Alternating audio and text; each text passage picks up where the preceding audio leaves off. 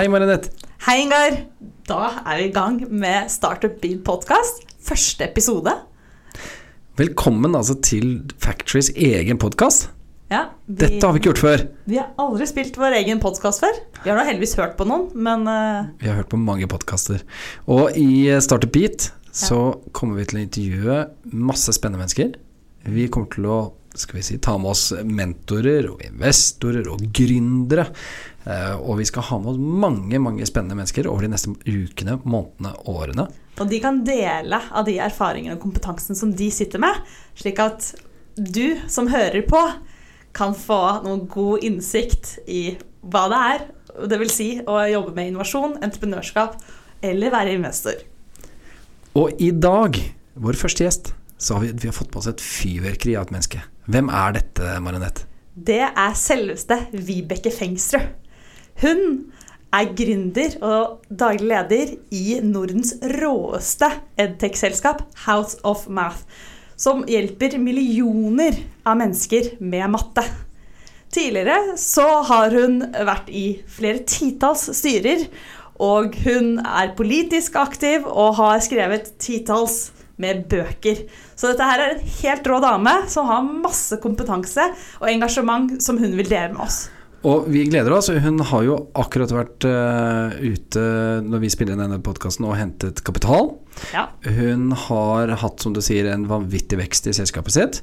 Men vi har jo også, vi er også så heldige at vi har, Marine, har eh, Vibeke som styremedlem i et par av selskapene våre. Eh, Så derfor kommer vi også til å gå litt inn på noe som ligger eh, vårt hjerte nært her i The Factory, og snakke litt om dette med styre, eh, dette med mangfold i styret, dette med styreansvar. At vi skal, ta, vi skal trykke litt på det. Ja. Så med andre ord så tror vi at dette kommer til å bli en spennende og en lærerik og en interessant eh, episode, og at Vibeke har mye spennende på hjertet. Hun har definitivt mye spennende å, å dele, og mye engasjement og lærdom som, eh, som jeg håper dere kan ta med dere. Skal vi sette i gang? Yes! Da gjør vi det.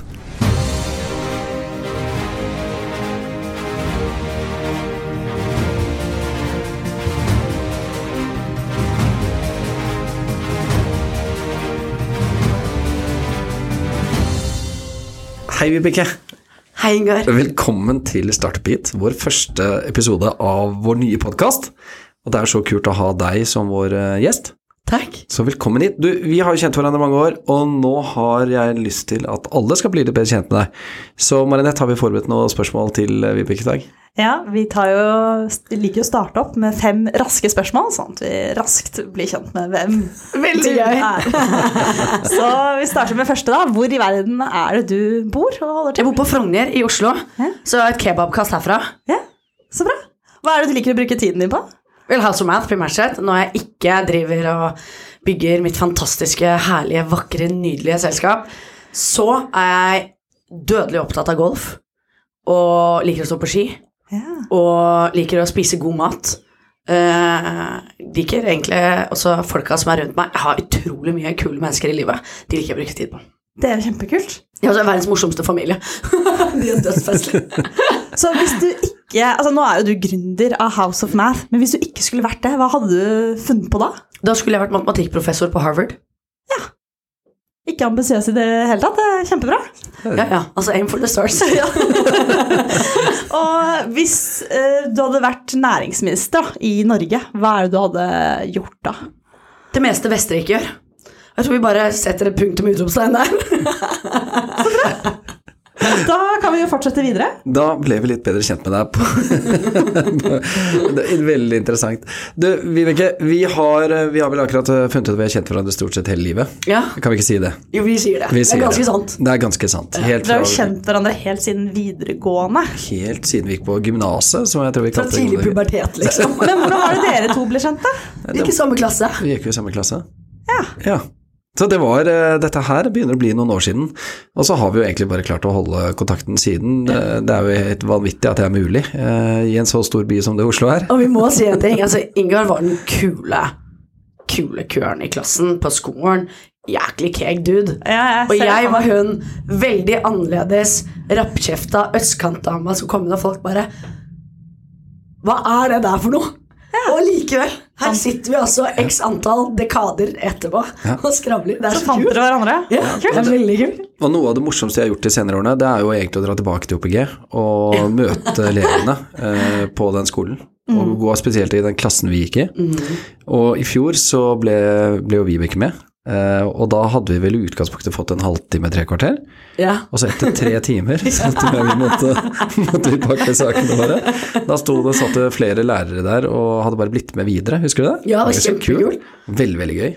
Så det er noe vi absolutt burde gjøre igjen, å dra ned og møte elever. Og det vil jeg egentlig oppfordre alle som sitter og lytter til dette her, bør jo ta seg en tur tilbake på sin gamle skole og inspirere de som eh, er der, til å gjøre Ja. noe kult med livet, da. Ikke nok med, du må ha med deg en wingman. Du og jeg hadde det så gøy på scenen der, eller foran i klasserommet. Men altså, du og jeg er veldig gøyale av og til. Det er kjempemorsomt. Ja, det Jeg tror bare vi har det veldig gøy. Ja. Og så tror jeg folk får se på at vi har det morsomt, og det er litt festlig. Så blir det litt spennende å se hvordan dette her går nå med Marinette i denne samtalen. Da, ikke sant? Siden videregående så har det jo skjedd litt. Er et par ting. En og annen Altså, hva, hva er bakgrunnen for at du startet House of Math? Vel, altså, det har jo ikke vært noe stor gründerplan her. At all. Altså, jeg har bare visst at eh, når jeg blir stor, så vil jeg bygge et stort selskap. Eh, og så har jeg tenkt at eh, jeg elsker matematikk. Og så var jeg jo dødsdårlig i det. Jeg strøk jo i matte og dumpet alt. Var jeg helt. Så vi gikk jo bare halvparten av videregående sammen. For han gikk jo ut året før meg, for jeg måtte ha strafferunde. Så Stemmer det. Stemmer det. Husker det. Husker det alle bare Ja, ja, snakkes ikke da, Vibeke. Ha det, da. Uh, nei, så Det var jo egentlig Hadde noen sånne store planer. Men matematikken var sånn Jeg vil være god i matte. Jeg vil studere matte. Og da gjorde jeg det. Men jeg var jo veldig slow. Jeg begynte å studere da jeg var 23. Og da er jo de fleste liksom klar på å deise inn i et eller annet arbeidsliv etter en master eller noe sånt. Ja. Og mens jeg var der, så var jeg jo fattig og trengte penger. Så måtte jeg begynne å undervise. Og det var jo 500 kroner rett i lomma. Det var dødsdeilig. Altså, dette var jo før inflasjon, så det var jo faktisk noen verdi i de 500 kronene. Men fra å være dårlig matte til å undervise matte, var det det du Ja, altså Når jeg begynte på Blindern, da kunne jeg knapt gangetabellen. Altså, jeg kunne ikke brøk. Og jeg husker jeg bare gikk over i mine Gucci-støvler og Gucci-boblejakke. Fy faen, det må ha sett altså så gærent ut når jeg gikk over binderen der. Og så var det en som så meg, som bare sa hvis jeg noen gang blir sammen med det der, så må du slå meg i huet med en gummihammer. Det ble gummihammer på han, da, for å si det sånn. så det var jo gøy. Var gøy. Men eh, da begynte jeg å studere matte. Trengte penger, begynte å undervise matte. Det var åpenbart noe jeg var god på. Eh, For det ble både 1 og 2 og 3 og 10 og 15 studenter. Og da underviser jeg opptil 40 timer i uken. Og til sammenligning, en lærer i norsk skole underviser 16-21 timer i fulltid. Ja. Så altså, jeg var hjemme hos folk, jeg, 05.30 og fikk eh, servert frokost og undervist og reiste ut til folk halv ett om natten fordi de hadde prøve og hadde angst og satt oppe til tre og var helt nuts. For jeg tenkte bare det Du vet ikke alltid hvor du har din competitive edge, men jeg skal i hvert fall alltid være en som sier ja, det fikser jeg. Fordi folk vil alltid ha med folk på lag som leverer, som du kan stole på, og som er der når det blåser. Og jeg bare Det skal jeg være. Og det tror jeg jeg har fått ganske godt betalt for sånn i senere tid, når vi skulle ut og hente penger og sånn. Folk vet at hun er i hvert fall ikke skyggeredd. Og hun er villig til å gjøre den jobben som skal til. Men eh, ja, der startet det hele. Så måtte jeg begynne å ansette folk, og så bare balla dette litt sånn på seg. Men da var det, men da fra begynnelsen av så eh, kan vi vel si at uh, forretningsmodellen, businessmodellen til House of Math så vel litt annerledes ut enn der du er nå. Det er et veldig godt poeng. House of Math, altså det forrige 1.0, som er ren privatundervisning, det er antagelig verdens mest usexy forretningsmodell. Du skal selge konsulenttimer, som i utgangspunktet er en veldig begrenset ressurs, og du skal selge den for en timelønn som ikke forsvarer kompetansen du leverer i det hele tatt. Altså, du selger for 250 og en grønnbugg. Det er liksom 500 spenn i timen, liksom. Så dette blir jo ikke sexy uansett hvor hardt du prøver. Og dette er noe av problemet med den bransjen. Det er fordi at den er drevet i stor grad av idealisme. Selv om dagens regjering og venstresiden i norsk politikk har veldig behov for å kalle deg for velferd, velstand- og velferdsprofitør, så er det veldig stor grad av idealisme. Folk som vil hjelpe andre med å komme ut av den mattesirupen. Men de har ofte ikke så stor eh, peiling på butikk og hvordan å tenke at du må ha nei, inntekt som legger kostnadene dine. Som gjør at de presser prisene ned, og så kommer de inn og så begynner de å bli kjent med, og så finner de ut at oi, den prislappen her klarer du ikke å forsvare noen forretning i det hele tatt. Og derfor får du liksom ikke noen store skaleringer hvor det egentlig funker. Så det var jo for min del så var jeg hele tiden sånn Dette er noe jeg gjør i påvente av å finne ut av det jeg egentlig skal gjøre når jeg blir stor. Nettopp, ja. Så og da det ble det bøker og masse andre Ja. ting ved siden av. Jo, men altså, det med, jeg, jeg har lyst til å touche inn på det med bøker, for altså, vi har jo en av bøkene dine hjemme. Uh, Så gøy. jeg vet det, det er kjempegøy, og, og spesielt når eh, du har jo signert den til og med. Mm. Så min sønn han eh, satt her om dagen og hadde noen spørsmål om firkanter og alle de forskjellige formene de har. Eh, og da slo vi opp i boken, og Det det, var kos. kjempegøy. og det fungerte jo så godt. Så han eh, klarte liksom å lese seg gjennom det han trengte da for å få navnet på alle de forskjellige formene. Eh, Nei, det klarte da ikke pappaen hans å svare rett ut på, men ikke si det til noen. Nei. Eh, vi, vi Det er ikke alle som kan arealet av et trapes.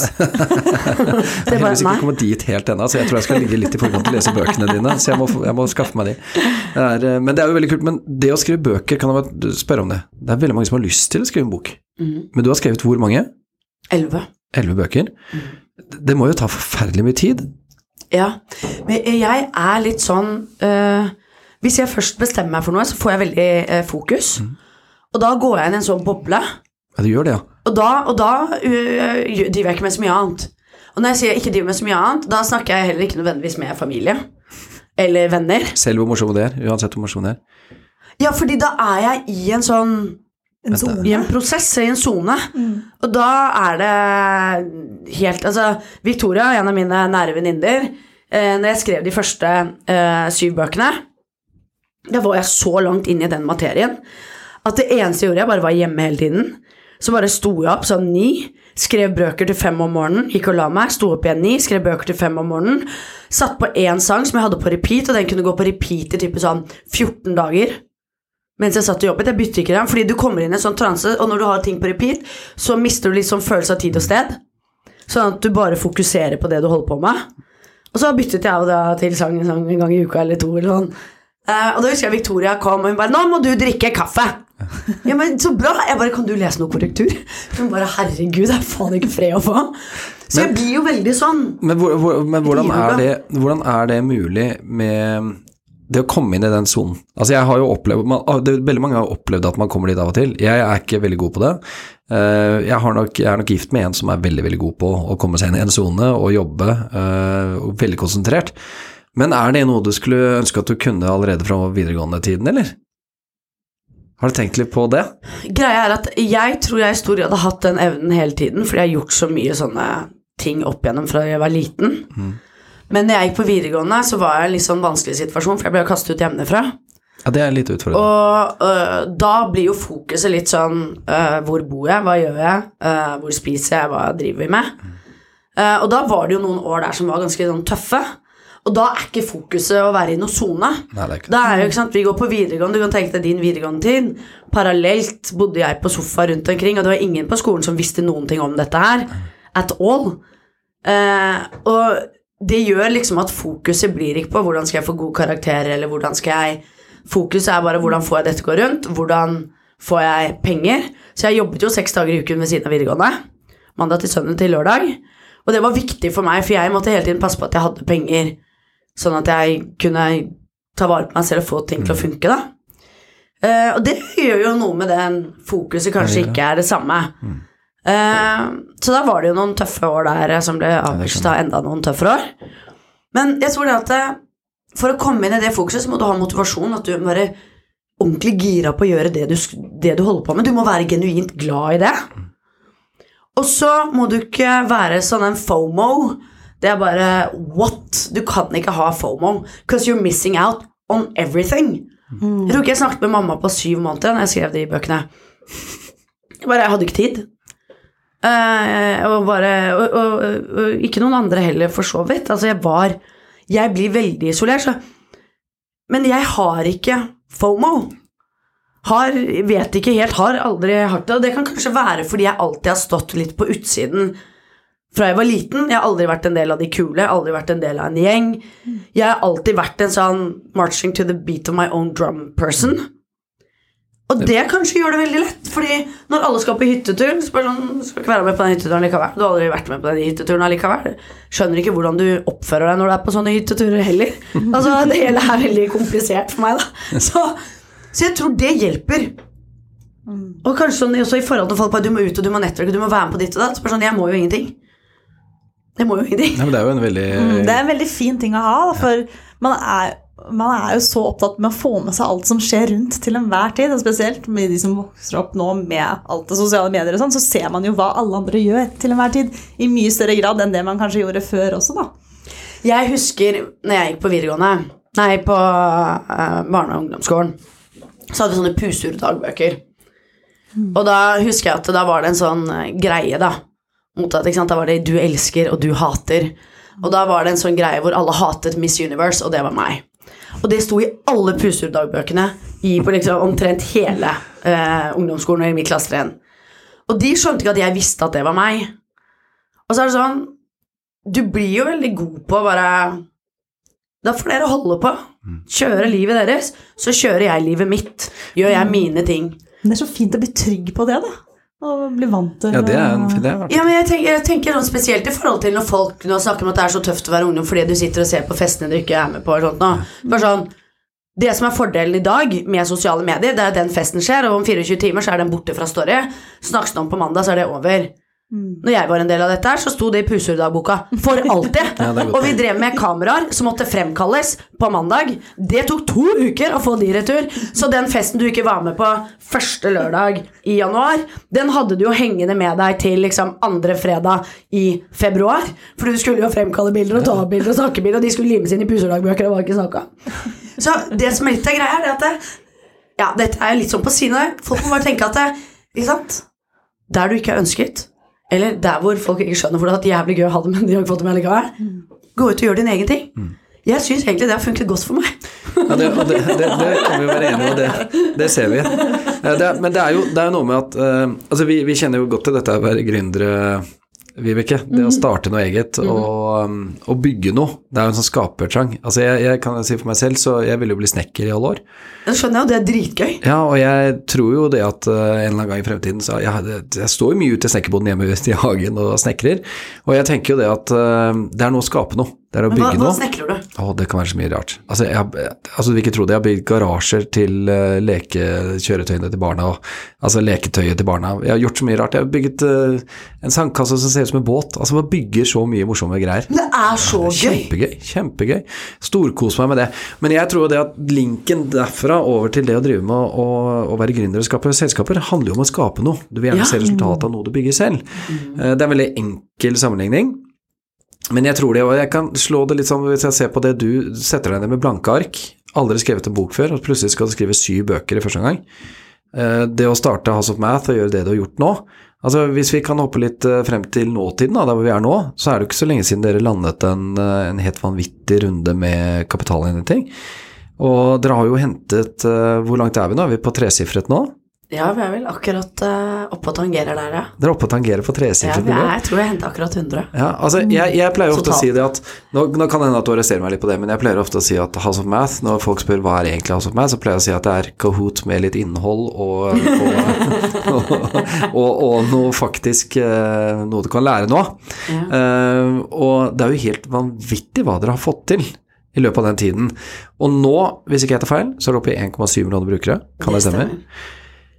Hvor var det, når var det de første brukerne kom på den eh, plattformen deres? Det var eh, 4. desember eh, 2020. Ja, så vi er, vi er rett over to år. Og da vokste det altså null og niks, egentlig. Eh, frem til eh, ja, skal vi si eh, august-september 2021. Da var vi vel 8000-9000 brukere. Og så plutselig skjedde det noe. Uh, vi hadde gjort en del endringer, for jeg mener det som var der når du kom Fader, jeg skal vise det en dag. Altså, det var bare mine bøker i PDF-er lasta opp på noen gamle eksamensoppgaver. Og det var det vi henta penger på. Jeg bare 'Dette er med penn. Stol på meg. Dette blir bra'. uh, og så begynte vi å få mer. Kom det over på engelsk. Og da tok det 100 dager, så var vi i alle land i hele verden. Det var helt vanvittig kult. Det var helt 100 dager? 100 dager. Er helt vanvittig. Var sånn, vi bare Er dette botter? Vi bare Hva er greia? Vi må sjekke. Får jo full panikk, ikke sant? Ja, det tror jeg på. Ja.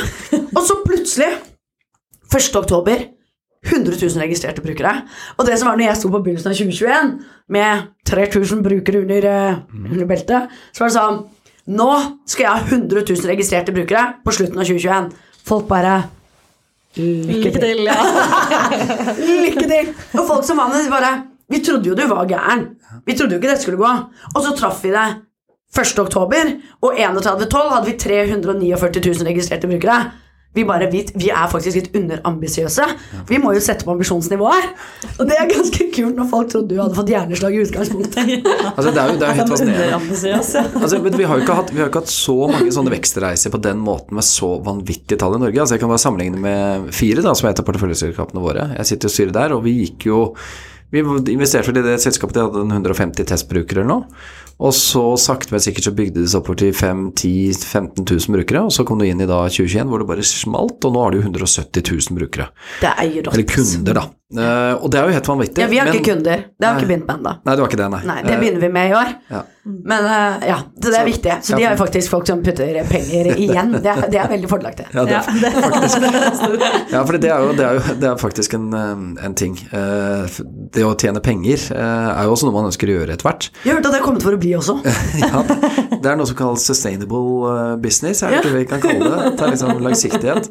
Men når du, ja, og det er jo litt spennende da, når du har hentet, eh, hentet da tre, tresifret antall, over 100 millioner kroner, inn til selskapet, eh, så må man jo også etter hvert også begynne å tilbakebetale noe til eh, aksjonærene. Så ja, en forretningsmodell i bunn, det er, eh, det er noe man trenger. Og da kan jeg kanskje spørre om noe som, jeg, som ligger mitt hjerte litt nært, da. Eh, og det er jo styret. Eh, vi sitter sammen i to styrer. Du sitter Ja. i to av selskapene våre. Mm. det setter, vi veldig stor pris på. Så- Og jeg koser meg gløgg i hjel, så det er kjempekult. Ja, det er godt. Eh, men det er, jo, det er jo noe med at Altså, du har jo noe styreutdannelse fra Stanford, ikke sant? Eller Harvard. Ja, det var sånn det var. Det var fra Det Harvard. var sånn det var. Jeg skal har- tilbake nå, faktisk. Ja, men du har gått på Stanford også og tatt noe Ja. ja. du sikter høyt, var det vi snakket om. Men du, du Jo, men vi, vi fant jo ut tidligere i denne samtalen at jeg var underambisiøs. Ja, det var sånn. det er opp til jenter. Men hva, hva er det som gjør at du valgte å ta en videreut... Altså, jeg kaller det en videreutdannelse innenfor akkurat det? Greia er det at jeg har to store kjærligheter i hele mitt liv. Det er matematikk, og det er butikk.no, liksom. Jeg syns det å bygge og drive butikk er dødsgøy. Ja, det er- Sånn, det er utrolig morsomt. Sånn, og Jeg husker jeg lekte masse butikk da jeg var liten. Og som deg, drev og snekra ting. Syns det er kjempegøy. Bygge. Syns konseptet å få penger inn og mindre ut er utrolig festlig. Det er litt sånn I Norge så har jeg ikke lov å snakke om det, men jeg syns konseptet å samle på penger, som folk samler på frimerker eller ølkorker eller fyrstikker, er kjempegøy. Ikke sant? Og det må vi jo ikke si, men det er jo litt sånn Det er gøy, da. Og så tenker jeg at jeg vil alltid lære. Jeg trenger alltid å kunne mye mer. Og hvis du ser på de som har gått foran deg, hva er det som er fellesnevneren for folk som er dødsflinke? De slutter aldri å lære. Så for min del så har bare det Jeg gikk på styreutdannelse på BI også. Så tenkte jeg bare Men jeg vil ha mer. Og jeg har alltid drømt om å gå på Harvard. Jeg skulle jo bli professor der, men det glemte jeg helt å bli. Og Det er så ikke for sent, det, da. Nei, vi, la oss bare, vi later som det. Og så tenkte jeg, der har jeg en mulighet. Og det å komme dit og bli styresertifisert der borte, og de folka du møter, og det du får være en del av, det er mye kulere enn det høres ut som. Altså, Det høres jo helt rått ut, men det er helt kongefett. Eh, og nå tar den studieutdannelsen De har nå eh, laget en fordypning, så jeg drar tilbake på og på en måte tar den fordypningen også nå i mai. Og var også derfor jeg dro til Stanford, fordi venner av meg fra Harvard de bare Vibeke, du må jo dra på dette Stanford-programmet. Det er en egentlig seks uker 24-7 MBA on steroids for scaling companies. Hvis du klarer å komme inn der, du må bare dra, og så må du bare holde deg fast. Fordi de går mer eller mindre gjennom omtrent hele MBA-pensum på seks uker. Du er liksom oppe klokken eh, halv seks om morgenen, du trener seks til syv, så dusjer og gjør deg i stand, du har frokost halv åtte, får første forelesning klokken åtte, og det er obligatorisk møtemøte. Hvis du ikke er der, så kommer de og spør bare You weren't in class, where were you? Altså, de tauer deg inn, liksom. Og så har du full forelesning til klokka er fem. Da har du en liten pause, så er det en ny valgfri forelesning til klokken er halv syv.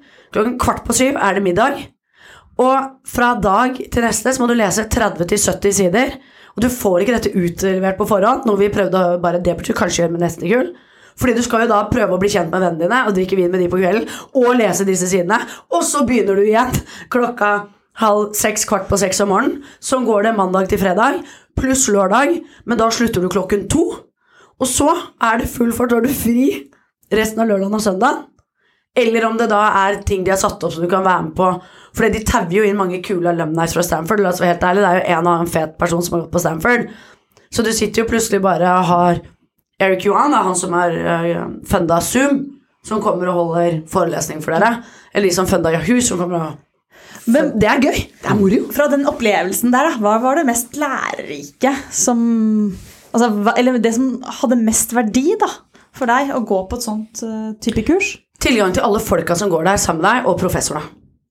Ja. Altså, de folka du går sammen med, er world class people. For ikke sant, du slipper jo ikke inn på Stanford sånn ut av det blå. Så de som dukker opp der, de er ganske festlige. Kompetanse, mangfoldet, det kommer fra hele verden. Og alle mulige bransjer, alle mulige bakgrunner. Uh, og de er supersmarte, flinke, morsomme. Det er bare det er jo bare den beste buketten verden har å buda på. Og dem får du være med og leke med. Og jeg jo, har jo vært over flere ganger siden. og Har jo uh, gode, nære venner som jeg snakker med på ukentlig basis, som er der. Som bor over hele verden. Altså, det er kjempegøy. Så nå er jeg over på et advisory board til et par av gutta som har startet noe dødsfett som vi skal snakke om senere. Jeg kan ikke release det ennå. Men altså, Så det nettverket man får, kompetansen man har tilgang til, professorene Det er for ja, en er som meg som elsker å lære, det er jo en våt drøm. Ja. det- og dette her er jo litt sånn Nå er du litt på Champions League i, innenfor styrevirksomhet. Ja. Eh, Det å gå, altså ta den type utdannelse, det er jo Formel 1. Ja. Men hvis vi trekker det litt tilbake, litt ned igjen, eh, til, eh, til de som ser litt, eh, ser, ser litt etter muligheter for å komme seg inn i et styre. ja. Ikke sant? For altså, man må jo starte et sted. Vi, du startet med én bok, du startet ikke med bok nummer syv. Eh, og du startet ikke på Stanford, du hadde noe styreverv før den tid. Så jeg tenker, hva, hva slags råd ville du gitt til noen som sitter der ute i dag? For altså, vi ser jo kontinuerlig etter styremedlemmer til våre porteføljeselskaper. eh, og vi er jo alltid på jakt etter å bygge et godt nettverk rundt oss, men hva ville du gitt av råd til en som sitter der ute? Og har lyst til å posisjonere seg litt. Hva ville du sagt? Jeg har lyst til å gi to typer av. Det vil råd til alle selskaper som leter etter styrefolk. Tør å For det er alltid sånn nettverksgreier. Hvorfor ikke putte ut en ad? Hvorfor ikke legge ut i sosiale medier? Hvorfor ikke skape en stilling på det, sånn som du skaper stilling på andre? Der tror jeg vi har mye å lære, vi som selskaper, i forhold til å finne folk. Og så tror jeg til de som har lyst til å komme inn i selskapene våre og være med på disse reisene, du må si fra. Du, det er altså Ingenting kommer til en lukket hånd. Kan ikke stå der med lua i hånda og tro at folk skal bare lese at du har lyst til å komme inn i et styre. Du må si fra. Du må si fra til nettverket ditt. Bare, vet du hva, Jeg er keen på å gå inn i styret. Jeg har denne kompetansen å bidra med. Kan ikke dere spre ordet? Og så må du spre ordet selv. Du må si fra. Men jeg tror eh, en av de feilene jeg kanskje gjorde på begynnelsen med styreverv, det var at jeg glemte Jeg, jeg var så stoka, syntes det var så gøy. Så jeg tok kanskje styreverv som egentlig jeg lærte fryktelig mye av, men hadde kanskje ikke så mye å bidra på, for de var heller ikke åpne for den kompetansen jeg har. Men vil selskapet ditt ha behov, eller har selskapet behov for den kompetansen du har, så si til alle Hei, jeg vil inn i styret, jeg har lyst til å jobbe med dette. Jeg har noe å bidra med, og det jeg kan bidra med, er Og hvis du ikke vet Ja, men hva kan jeg bidra med? Sett deg ned og skriv et budskapsnotat om deg selv. Skriv Hei, jeg heter og jeg kan. Og så skriver du om de tingene du kan. Og da tror jeg det er et kjempebra sted å begynne. Hva tenker du? Du er, leiter jo etter dette hele tiden. Ja, altså jeg, jeg syns hele resonnementet ditt er eh, veldig bra. Altså jeg tenker det at ofte så, så snakker jeg med folk som sier at de gjerne vil ha et styreverv for å få erfaring. Og det er jo litt sånn utfordrende, fordi egentlig så kan du ikke bare gå inn i et styre for at noen andre skal lære deg hvordan det er å sitte i det styret. Du må ha noe å bidra med, litt sånn som du sier. Selvfølgelig må du starte et sted for å få den erfaringen, men jeg vil ikke solge meg som Hei, jeg er ikke på styreverv fordi jeg har lyst til å få erfaring, eller du må lære meg noe. Men du, hva, hva er det du har av kompetanse? For altså, det er det som er spennende i et styre. Altså, mangfold i et styre, det handler jo ikke bare om kjønn, etnisitet, øh, bakgrunn. Altså, det handler jo om hva man har gjort før.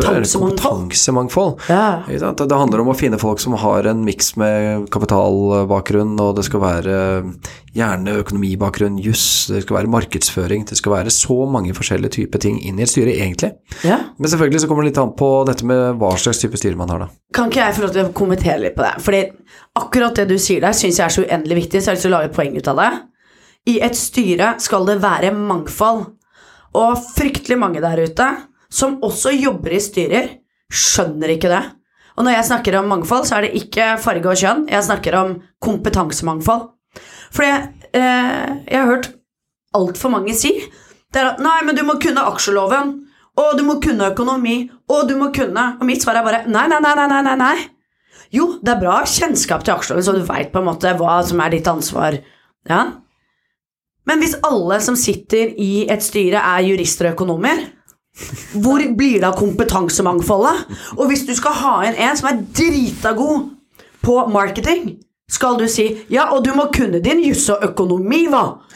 Eller du må Nei, du må ikke det. Da mister du kompetansemangfoldet. Og det er noe av det som er også utfordringen i et styre. Det er at det er ikke en homogen gruppe. Det er at der sitter marketingpersonen. Juss, mener du med juss? Mener du jus? Ikke sant? Der sitter økonomen og finanspersonen. Der sitter scalingpersonen, marketing, HR og kanskje ansattrepresentanter som er med. Jeg kan businessen, jeg. Altså, jeg kan industrien. vi er. jeg veit hvordan å bygge dette produktet, men jeg kan jo ikke marketingen eller jussen eller Og det er jo det styret er, jo dette kompetansemangfoldet. Så dette vil jeg bare si til, til dere som tenker at ja, men jeg kan jo ikke økonomi eller jeg kan jo ikke juss. Nei, det er jurister og økonomer i det styret som kan det. Det som er viktig, er at du skal stille spørsmål med bakgrunn i din kompetanse. Det handler om å utfylle den kompetansen som allerede er der. Ikke nødvendigvis at alle skal sitte med den samme Og type sjekkravene. Da. For hvis man har en sånn type sjekkliste at dette her er det du må kunne da, for å kunne være en del av styret, så bommer man jo totalt på det med mangfold, da. Ja, altså mangfold, altså Det er jo kompetansen i mangfold som er viktig, ikke mangfold i seg selv. Mangfold i seg selv er jo egentlig sånn sett helt uviktig. Det er jo den kompetansen som kommer med mangfoldet, som er dødsviktig. Og hvis du sitter der fordi du har markedsføringskompetanse, men du er redd for å si noe fordi det ikke er juristlig økonomi, eller kan si noe som er dumt i jussammenheng, dumt i økonomisammenheng, da mister man jo all det fantastiske spørsmålet den med den kompetansen vil stille. Og dette snakker vi altfor lite om. Altså, jeg syns, dette her er utrolig fint å se det store engasjementet rundt, eh, rundt dette enk relativt enkle spørsmålet. Jeg synes det er kjempebra, fordi dette her er jo Vi er jo ikke gode i Norge til å bygge gode styrer fra starten av. Eh, Folk tenker at det blir for omfattende, gründere vil gjerne ikke styres for mye av et styre. De vil eh, Altså, jeg bare tenker at her er det så mange muligheter, og det er så mye smarte mennesker der ute. Og noe av det jeg alltid har likt med det, altså jeg husker fra, fra langt tilbake i tid hvem jeg hadde noe enklere styreverv, før det nå på mange måter har blitt en del av jobben min, mm. så hadde jeg jo Altså, det å kunne bryte ut av din egen hverdag, ja, en egen arbeidsdag, og faktisk bruke tankene dine på et litt annet oppsett, eh, tenke på et annet selskap, som du kanskje ikke hadde noe Altså på den tiden, jeg hadde jo ikke noe eierskap i en del av de styrene jeg satt i, men jeg lærte eh, det å snu tankesettet mitt rundt og putte det inn der, komme med den kompetansen jeg hadde med, komme med de rådene jeg kan, være med på og det. Blir en så mye kulere arbeidshverdag. Ja, ikke nok med det! Det som jeg syns er også helt rått med disse ulike styrene, som er i ulike selskaper, i ulike deler av livssyklusen, det er jo at det er så mange tanker, ideer og diskusjoner som foregår i de selskapene, kan jo jeg ta meg direkte inn i mitt eget selskap, mitt eget styre, mitt eget management. Og tankene til de som sitter i de ulike styrene, de som jeg ellers ikke har tilgang til, kan jeg også der dra på som gode sparringspartnere for eget selskap. Så det er jo også en del av denne livslange læringen. Man lærer jo så mye. Men for startups, da, så er jo det altså, Man er jo veldig tidlig fase, og ofte så er det bare ja, familie eller investorer som sitter i styret. Men når tenker dere at det er viktig å begynne å få et profesjonelt styre? Altså at man trekker inn altså, styremedlemmer for kompetansens skyld, da? Altså, jeg, jeg tror det kommer veldig an på gründer, det. For altså, det er noen gründere som har eh, Hvis du starter opp med et team, så er det ikke gitt at du, at du er tre, fire, fem gründere ved starten av, så er det ikke gitt at du må få på plass et styre veldig raskt. Og det handler litt om at du sitter litt eh, med Altså, du må passe på at det ikke blir støy eller fra, start igjen, fra starten av. Eh, hvis du er mer enn, kall en single founder, eller du er et eh, mindre team, eh, så kan det være en idé å komme ganske raskt i gang. For du må ikke glemme at du får mye kompetanse inn uten ofte å måtte betale dyre dommer for det. Nå har det blitt mer og mer vant til at etter hvert som du begynner å få litt cashflow, det begynner å skje litt, og du kanskje kommer til break-even, så begynner du å betale litt for styrevervene. Begynner å betale styreleder som faktisk bruker mye tid og energi på det. Gjerne eh, en, en grei lønn, man ordner en opsjonsordning, man finner på noen forskjellige løsninger som gjør at de får en viss kompensasjon. Men jeg tenker at det er litt opp til hvert enkelt selskap. Altså det er noen selskap hvor du ser at de kommer til å fly som bare det, hvis de får på plass et team med erfarne, gründer, erfarne styremedlemmer, fordi du ser at investorene søker etter det. Ikke sant? Hvis det kommer inn tunge veser, og så sier dere hvem er det som sitter i styret? Nei, det er deg, og så er det onkelen din, og så er det faren din, og så er det søsteren din, og så er det moren din. Da tenker jeg at dette er jo ikke en rigg som vi ønsker å gå inn og backe med titalls millioner. Men hvis jeg ser at her er det folk med en viss kompetanse, med en viss erfaring, med en, altså med en tyngde, som også har sagt at dette her er et selskap vi har tro på, så hjelper jo det. Så det er, det er, de tingene, og hvis du i tillegg klarer å utnytte den muligheten til å faktisk Altså det som ligger der, er kompetanse, fordi du må være lydhør. Du må lytte til de styremedlemmene du har der. Uh, og jeg ser jo det, altså vi har jo Vi er, vi er jo heldige som har en styreleder her i, i The Factory som, uh, som, følger oss tett. Altså vi har jo vært i Da vi var i Stockholm Innovation Nei, i Stockholm Fintech Week nå, så var jo han med over dit. Tett på. Han er også en investor, men han er tett på. Nils Erik Høver, som han heter, han følger jo oss tett og selskapene tett. Og det er jo ganske viktig. altså Da har du på en måte tett relasjon med daglig leder og styreleder. Også det er jo også en annen ting. Det er relasjonen mellom styreleder og daglig leder. Ikke sant? Den der løpende Jeg lette lenge etter uh, For min del, siden jeg er single founder, mm.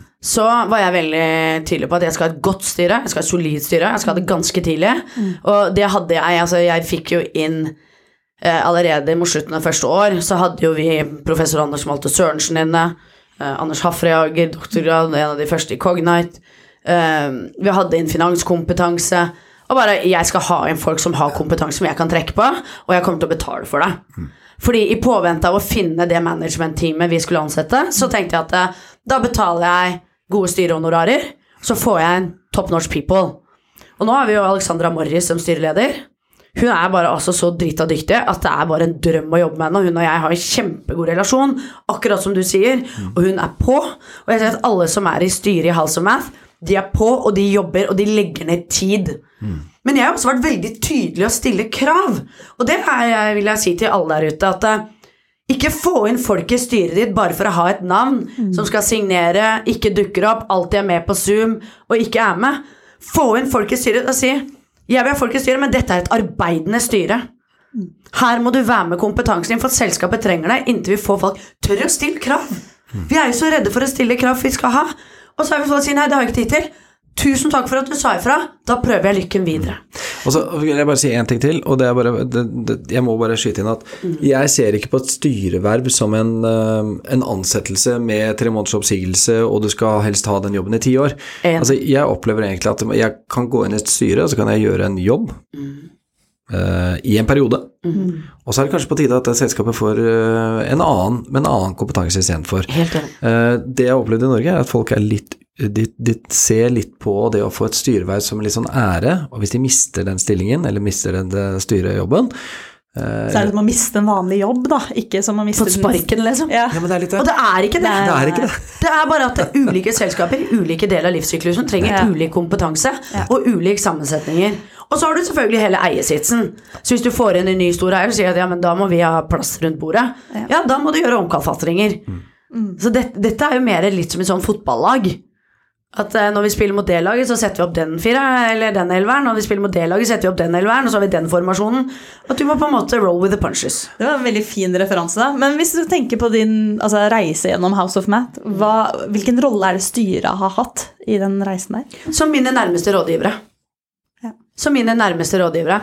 Som uh, folk som har vært med f.eks. når vi skulle ansette tech-ressurser. Mm. Få med uh, Anders da, fra, som har vært i Cognite, være med ta de intervjuene, lage gode caser. Så for oss bare det å ha gode samtalepartnere som er med og bidrar med kompetanse.